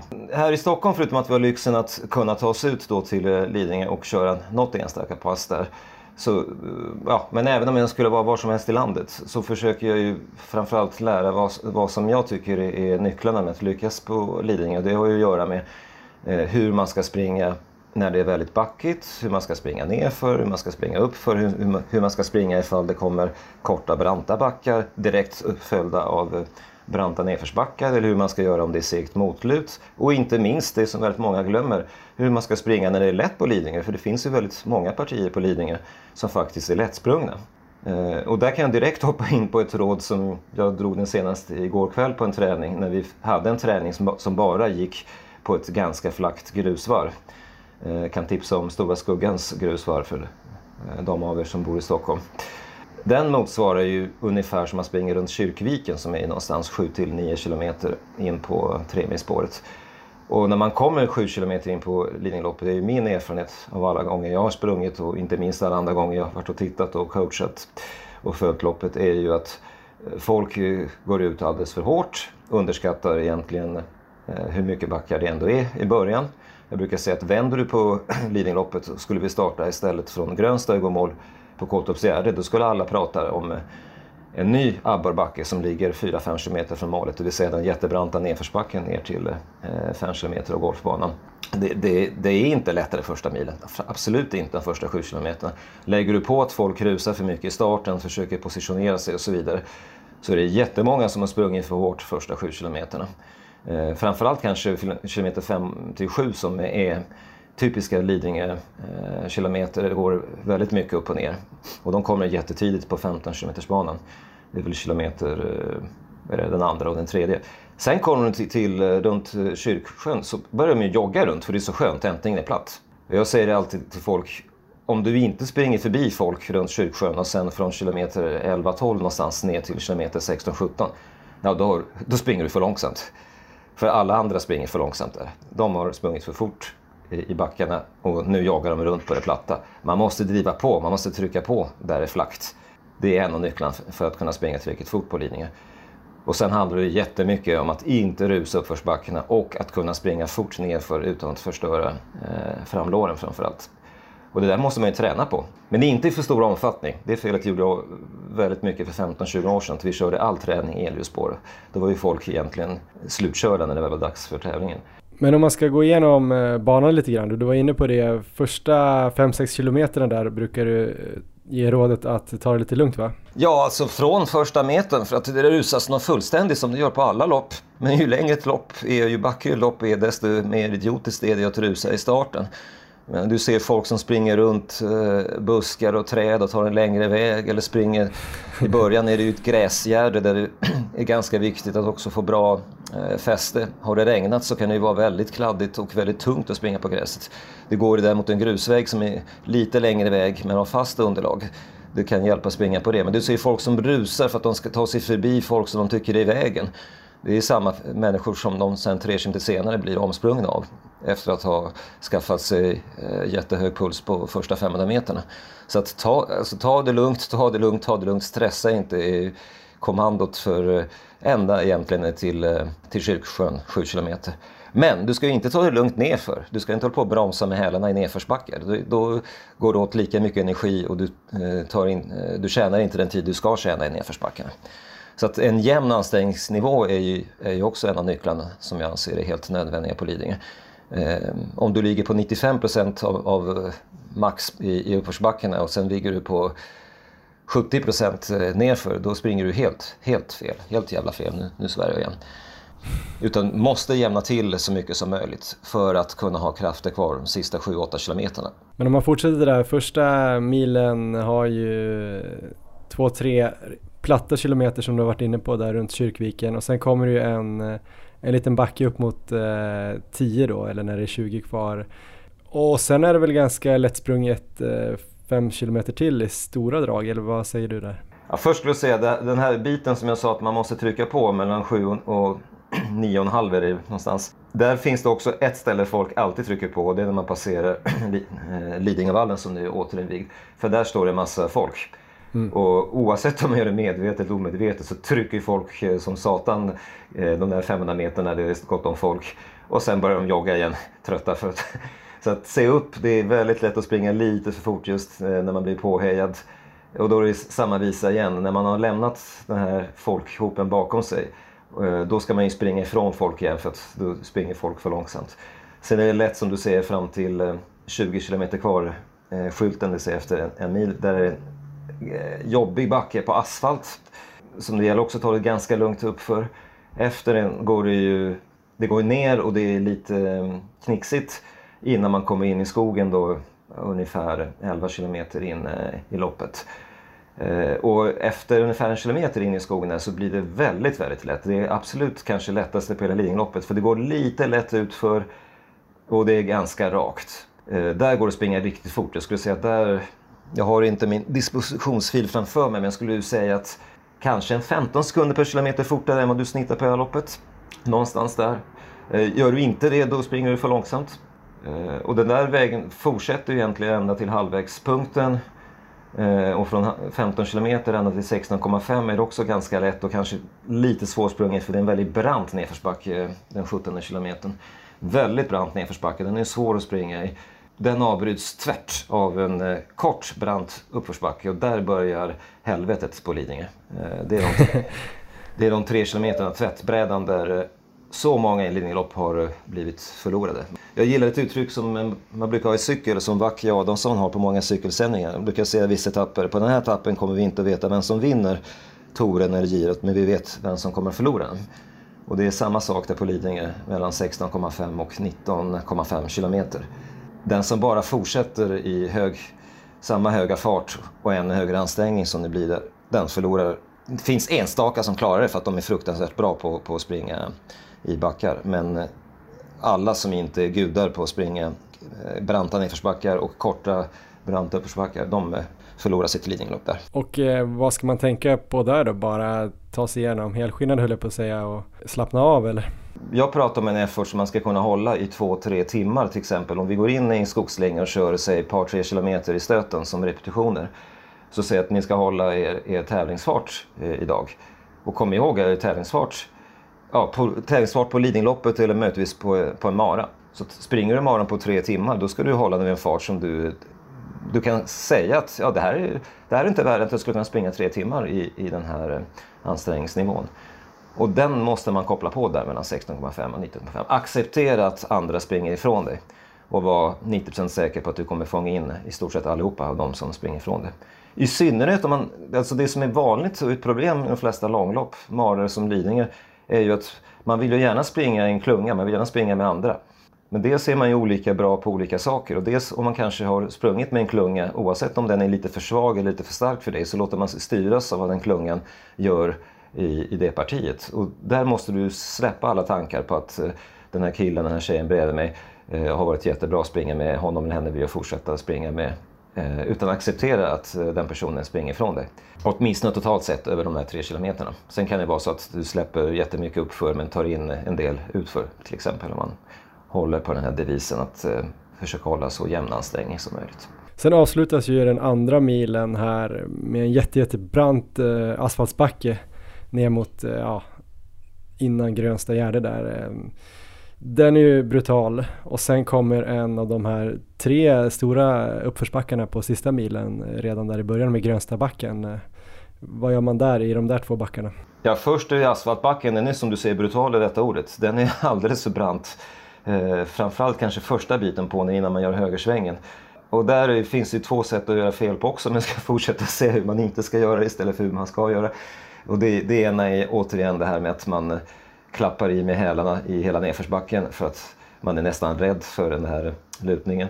Eh, och i andra änden är ett fel som jag själv har gjort några gånger eh, eftersom jag förr i tiden var bra på att springa ner för att man överdriver det här med att forsa nerför. För på den där asfalten med det underlaget så kan du verkligen förstöra eh, låren igen genom att eh, rusa igenom den. Utan det är samma sak där. För att hålla en jämn ansträngningsnivå så ska man försöka hitta flytet ner för vilket kan vara ganska besvärligt eh, att göra. Även det är en konst man ska träna på före eh, loppet. sen ska man inte rusa förbi vätskestationen som ligger precis före första backen där ut från Grönsta. För att om du har haft lite för lite energi och så bara springer förbi den och börjar rusa upp för backen, ja då kan du dö energidöden också den sista milen. För det kommer ju dröja till eh, Abborrbacken nästa gång du får energi. Och den är ju tredelad, backen från Grönsta. Tre etapper. Man tror att den är slut. Nej, nu är den slut. Nej, nu är den slut. Ja, till slut är den slut. Så att eh, korta, korta steg. Hög frekvens är ju alltid eh, ett bra sätt att tänka på i branta backar. Samma sak där, acceptera folk som rusar förbi dig. Eh, försök inte haka på dem.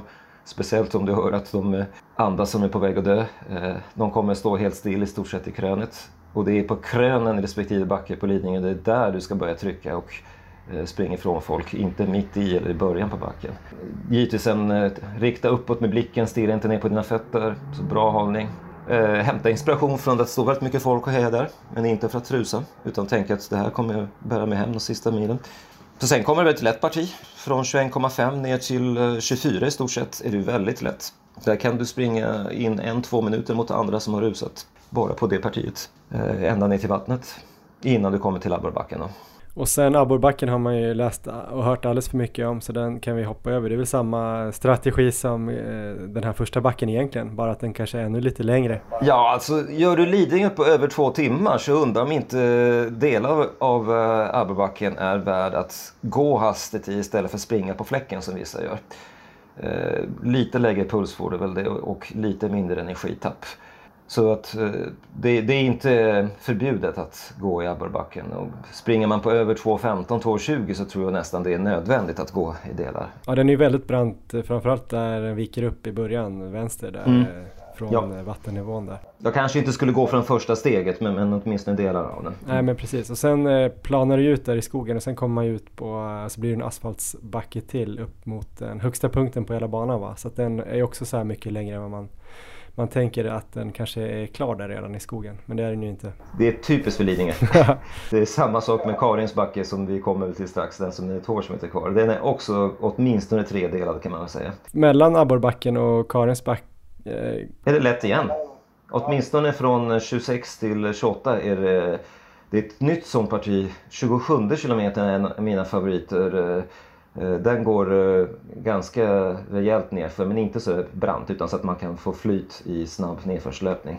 Och det är återigen samma sak där. Är du helt död av vad du gjort innan, då kan du inte utnyttja det. Men har du sprungit kontrollerat så kan du få ut så himla mycket av de där nedförsbackarna som är lättsprungna. Och sen då Karins backe där efter golfbanan var vi inne på. Den är ju eh, minst lika jobbig som de här två tidigare, speciellt eftersom den kommer ännu, ännu senare i loppet.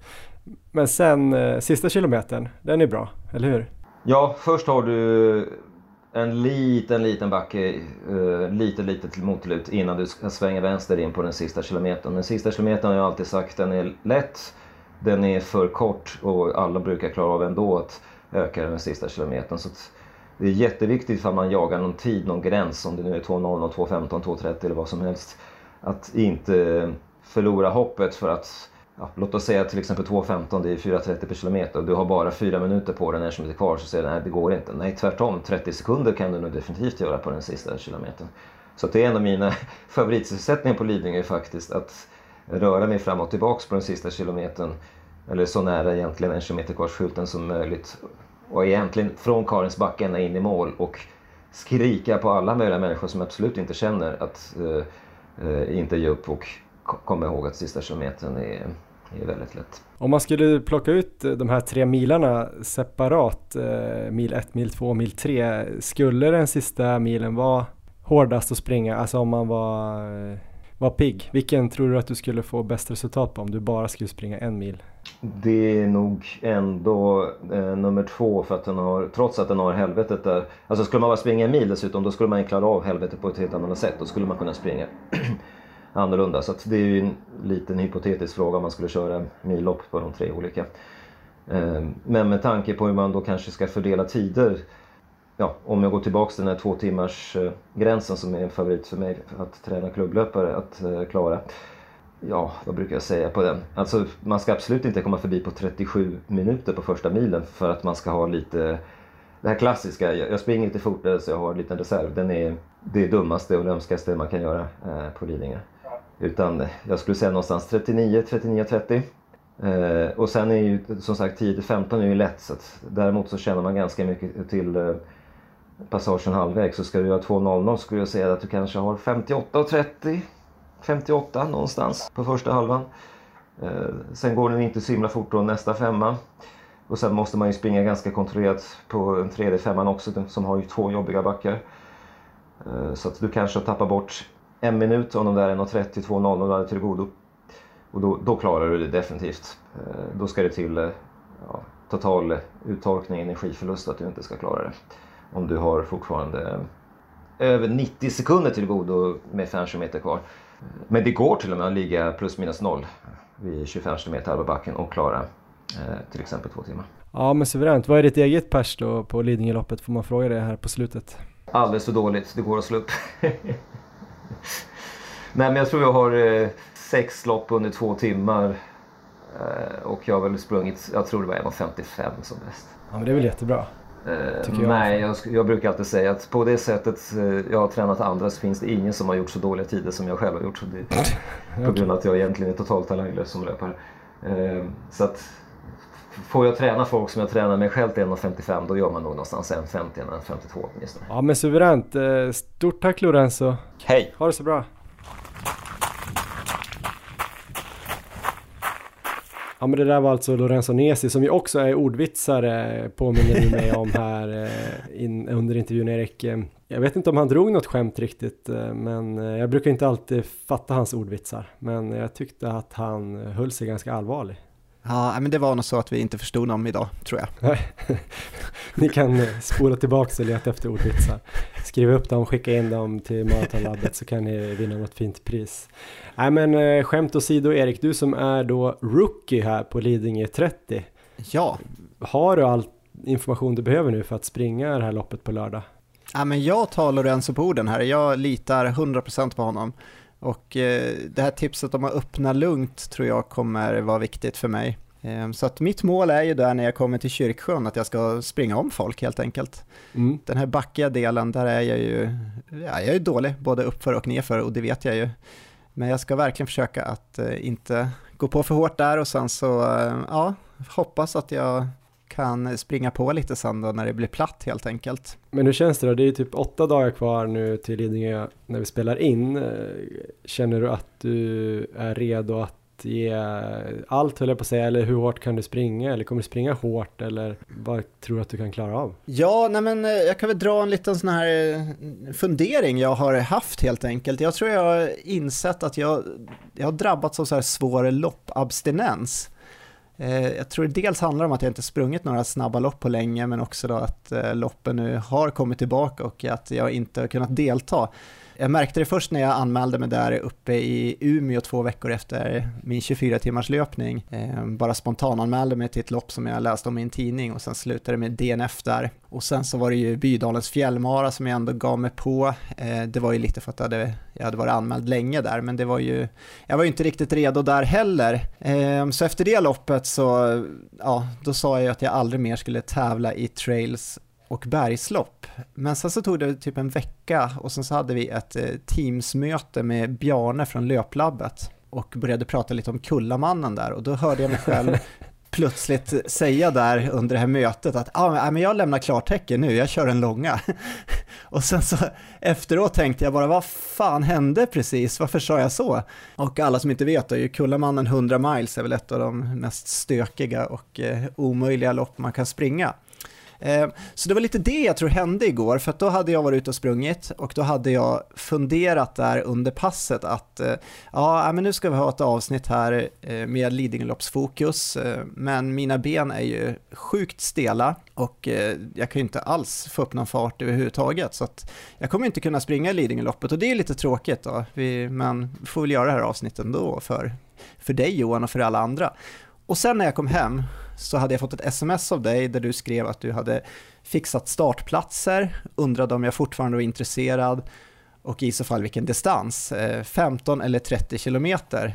Och eh, utan att jag egentligen tänkt igenom saken alls så hade jag väl direkt där lämnat klartecken till 30 kilometer på Lidingö. Så det varit en lång utläggning här, men det är ungefär där vi står nu, att jag är ju absolut inte redo för att springa eh, tre mil på Lidingö, men jag kommer ändå göra det. Så eh, jag vet inte riktigt vad jag ska göra av det här Johan. Vad... Det kommer ju vara snällare än Kullamannen i alla fall, kan du ju ja, med. Det... Och Bydalen. Så ja, det hoppas jag verkligen. Eh, någonting som är värre där i Bydalen, det kommer ju vara enkelt. Och du sprang ju 15 kilometer kan man ju påminna alla om. Alltså 2019 här då, 15 kilometers loppet på 54 minuter eller något sånt där. Så jag räknar med att du går en bit under två timmar på 30 och eh, jag har kollat eh, resultatlistan. Du kan faktiskt, om du går under en 59.30 typ, då kommer du bli den bästa Erik Olofsson som någonsin har sprungit. jag letade efter dig i, i, listan där, hittade inte dig men hittade en massa andra. En kille från Trångsviken faktiskt, som är ja, två år äldre dig. Känner du till honom? Ja, men jag tror han har varit skidåkare tidigare. Ja, så att det är där jag lägger din ribba. Jag vill ju tillägga då till det här att jag har inte sprungit något eh, kvalitetspass sen eh, midsommar. Eh, det har bara varit lugn löpning där, förutom då det här avbrutna loppet uppe i Umeå, där jag gjorde en DNF. Men annars så har jag ju inte haft några fartpass alls, så att jag är inte så säker på att du har rätt här Johan, jag tror att det kommer gå betydligt långsammare för mig, men eh, jag ska göra det bästa jag kan nu på de här åtta dagarna fram till loppet. Jag ska väl ändå försöka något pass där jag får upp någon form av fart och bara testa lite och sen hoppas jag att eh, jag kan massera bort den här stelheten och stretcha bort det helt enkelt. Sen så får vi får jag göra det bästa jag kan av det. Det ska bara bli jättekul i alla fall att eh, springa lopp och speciellt Lidingöloppet där. Det var ju otrolig stämning där 2019 när vi var där. Då sprang jag ju först 15 kilometer och sen var jag kvar och eh, eh, supportade dig där på 30 kilometer. Jag gjorde ett ganska dåligt supportjobb men jag var ändå där och upplevde stämningen. Det ser jag väl mest fram emot att få vara på ett riktigt stort lopp med allting runt omkring helt enkelt. Själv då? Jo, men det kommer bli sjukt kul att få springa på Lidingö igen. Eh, om det nu blir så att jag kan springa. Det är väl lite, lite eh, tveksamheter då kring när då det här barnet kommer. Så att eh, dröjer det länge så kanske det inte blir helt rimligt att lämna familjen. Då vill jag nog vara med, med bebisen. Men om det kommer kanske helgen här och vi hinner eh, komma i, i, fas med allting, det nya livet, så kanske man kan komma ut och springa ett lopp några timmar på lördag, nu när det ändå är i Stockholm och sådär. Så det vore ju väldigt roligt. Sen tycker jag att det är otroligt svårt att eh, sätta något typ av mål eller eh, ja, lägga någon ambition för det här loppet för att eh, jag som du känner väl att det kommer lite för tidigt för att jag ska kunna göra någon superinsats. Det naturliga hade ju såklart varit att satsa på under två timmar igen om jag hade haft min vårform nu. Men det har jag inte riktigt så att jag tror att under två timmar skulle bli väldigt svårt. Och då är frågan, ska jag testa att persa skulle kunna vara en grej? Jag sprang ju på 2.06 då eftersom jag kraschade lite 2019. Så det finns väl ändå någon rimlig möjlighet. Men frågan är om det blir så pass hårt att det kommer sabba träning framåt och eh, det är ju framförallt Valencia jag tänker på. Så att eh, det skulle kunna också vara ett sånt här lopp där man springer då 30 kilometer, ett bra långpass i hyfsat hög fart. Och då tänker jag kanske, tanken är ju att vi ska springa Stockholm Marathon två veckor senare i 4.15 fart. Precis. Så springa då 30 kilometer här i någonstans 4.15, 4.20 fart eh, kanske är ett sånt pass som kan ligga bra inför det eventuellt. Men jag vet inte, det blir också lite märkligt då siktar man på någonstans 2.0 åtta då kanske. Eh, är det konstigt att sikta två minuter över pers? Antingen kanske man ska ta det helt lugnt eller... Det är också svårt att höra folk, annars hade det kunnat vara en grej. Ja, det känns omöjligt på Lidingö. Ja, eftersom man är så olika bra upp och ner för och på platten så att eh, det är nästan konstigt att försöka höra någon. Så att, nej, jag vet inte tusan, vad tycker du att jag ska göra då? Kan inte jag få bestämma då? Du har ju bestämt lite av mina eh, mål här på slutet. Alltså, har jag verkligen gjort det? Ja, men då eh. bestämmer jag Kullamannen 160 kilometer Ja, jag gör det. ja, nej, du, kan ge ett, du kan ge ett eh, starkt råd. Kan ge. Ja, nej men det, det blir sub 2, Johan.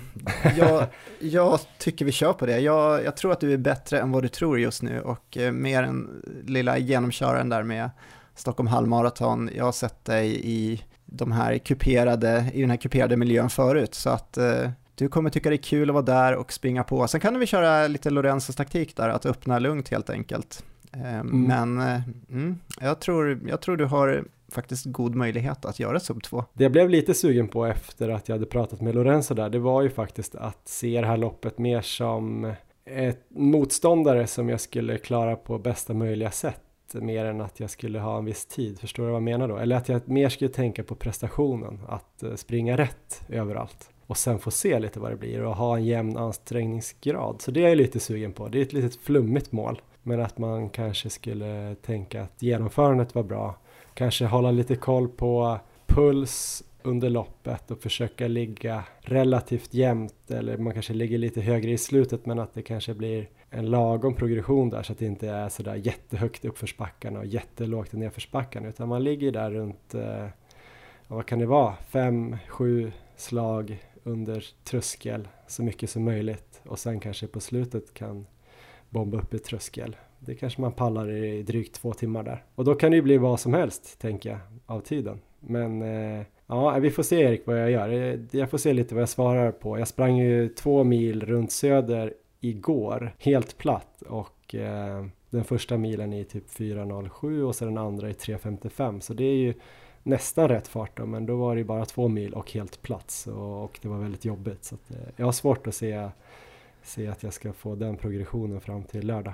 Sen är ju dina krampproblem bortblåsta nu också, det såg vi här i Bydalen bland annat. eh, när du verkligen levererade, så att den, den faktorn som har förstört förut är ju, ja, jag ska, jag tar risken att jag jinxar det, men jag tror den är borta nu så att eh, du vet aldrig vilken form du är i liksom nästa år eller året efter så att uh, det, här kan vara, det här kan vara året.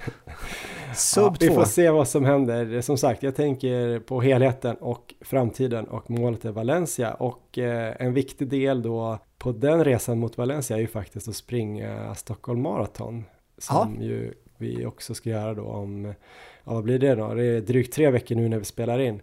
Det ska också bli sjukt kul. Det måste ju vara det första loppet uh, som går av stapeln efter att de här restriktionerna släpps. I alla fall det första riktigt stora loppet. Det är väl typ Hässelbyloppet och lite sånt där och säkert något annat lopp. Och det är väl Göteborgs maraton och halvmaraton samma dag som Stockholm. Men Stockholm är väl ändå minst en nivå större. Eh, så det känns ju coolt och vi har eh, anmält oss där och du la ut någonting igår Erik om att vi ska springa under tre timmar. Det ska vi göra, vi ska springa in där på 2.59. Ehm, så vi ska hålla en jämn fart eh, hela vägen där är våran plan. Och sen så sista två kilometerna där så ska vi ropa in alla vi ser runt omkring oss helt enkelt och eh, peppa in er, alla ni som har det målet. Så eh, ta rygg på oss där. Vi får väl köra i våra sub 3-linnen där så att det syns klart och tydligt. Så mm. det är bara att eh, ta rygg där så ska vi göra allt vi kan för att eh, hjälpa så många som möjligt in under sub 3. Det blir ju lite här som att sluta cirkeln som Viktor Dahlgren skrev där på Instagram nu. Det var ju det målet vi hade första året med podden. Blir det det sista vi gör då eller? ja, vi får se. Nej, det är Val Valencia blir väl det i så fall.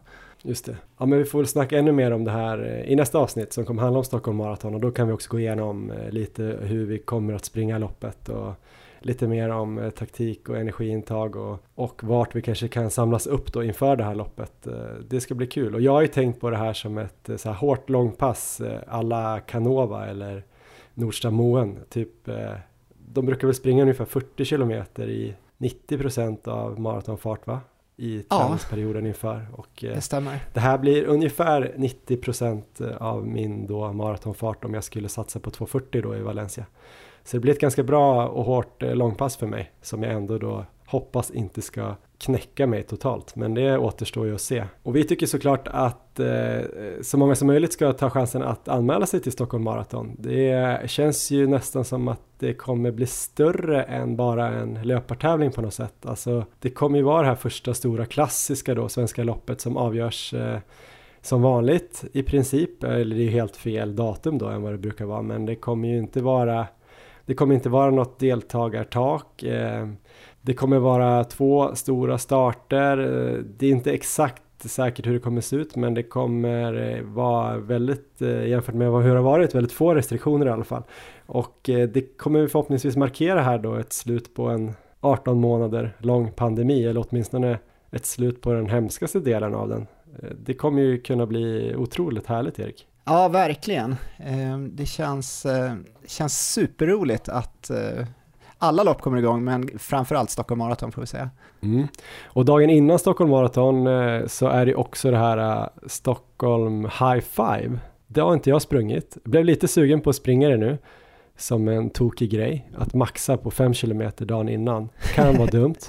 Men det, det, här loppet är ju jättebra för att det kan användas antingen som att man springer igenom då fem kilometer dagen innan eh, loppet och kanske med sina kompisar, man kanske har rest dit eller så. Det kan ju vara en sån eh, shakeout run dagen innan eller så kan det vara att man går dit och tävlar eller så kanske man har åkt hit med någon respektive eller någon kompis som inte gillar löpning lika mycket som kanske inte vill springa maraton men kan springa en 5 kilometer. Det är på fredag, det kan vara en AV eller vad som helst. Eh, jag blev lite sugen på att dunka en snabb femma men det är, det är dumt va, dagen innan loppet Erik. Ja, det tycker jag inte du ska göra. Då kanske jag Nej. får göra jobbet själv där på slutet. Ja, det här loppet drar i alla fall igång 17.30 på fredagen och sen så är det Stockholm Marathon då på lördagen eh, som, och där finns det ju platser kvar och eh, vi har faktiskt eh, två koder här som ger 20% rabatt. Dels då på eh, Stockholm Marathon och eh, den koden är då ASM20. Så ASM20 den ger 20% rabatt på Stockholm Marathon och ASHF20. Vilka krångliga koder Erik, men eh, den ger 20% på eh, ASIC Stockholm High Five då. Vi kan eh, lägga upp något inlägg här i närmsta veckan också som ger de här koderna. Men det är ju skitkul, det vore jätteroligt om det kan vara mm, supermycket folk här och att alla visar att det ska bli kul att springa lopp här framöver. Ja men det blir mycket att se fram emot Erik. Och eh, först och främst är det ju då att se fram emot eh, mikro Elmer Forsstedt, alltså jag vet inte vad han kommer heta, men mikroforstet eh, som förhoppningsvis kommer här då nu i helgen. Eh, vad tror du, när, vilken dag tror du på? jag säger måndag ja, så dagen innan det här släppts. Ja, spännande och vi får väl hoppas att din träning börjar ordna upp sig så att du kan köra lite kvalitetspass. Det känns ju lite skrämmande att du har så stela ben så här himla länge. Det låter ja. märkligt, du brukar ju aldrig ha några stela ben. Nej, men jag gissar väl att eh, Bydalens fjällmara är boven i det här dramat. Dels härligt, själva loppet, dels, dels loppet i sig, men även hur det var innan. Så att eh, det ska nog lösa sig tror jag. Till nästa vecka så kommer jag bara vara positiv när vi sitter här. Ja, nästa avsnitt, Erik bara positiv, då har han också gjort 1.58 på Lidingöloppet. Det kan ni ju också se då mer om på vår Instagram, där vi heter Maratonlabbet. Och på Strava lägger du upp alla dina 31 kilometers distanser. Där heter du Erik Olofsson. Ja. Jag heter Johan Forstedt på Strava och där kan man ju se då att jag faktiskt sprang 90 kilometer förra veckan med då två ganska hårda pass och 80 veckan innan utan hårda pass och den här veckan kanske ända upp till 100 med förhoppningsvis två hårda pass men det beror ju lite på vad som händer här i helgen. Det kan vara kul att titta på det men annars så får vi väl säga hej då för den här gången och lycka till på Lidingöloppet alla som ska springa. Ja, stort lycka till. Tack för idag. Ha det bra.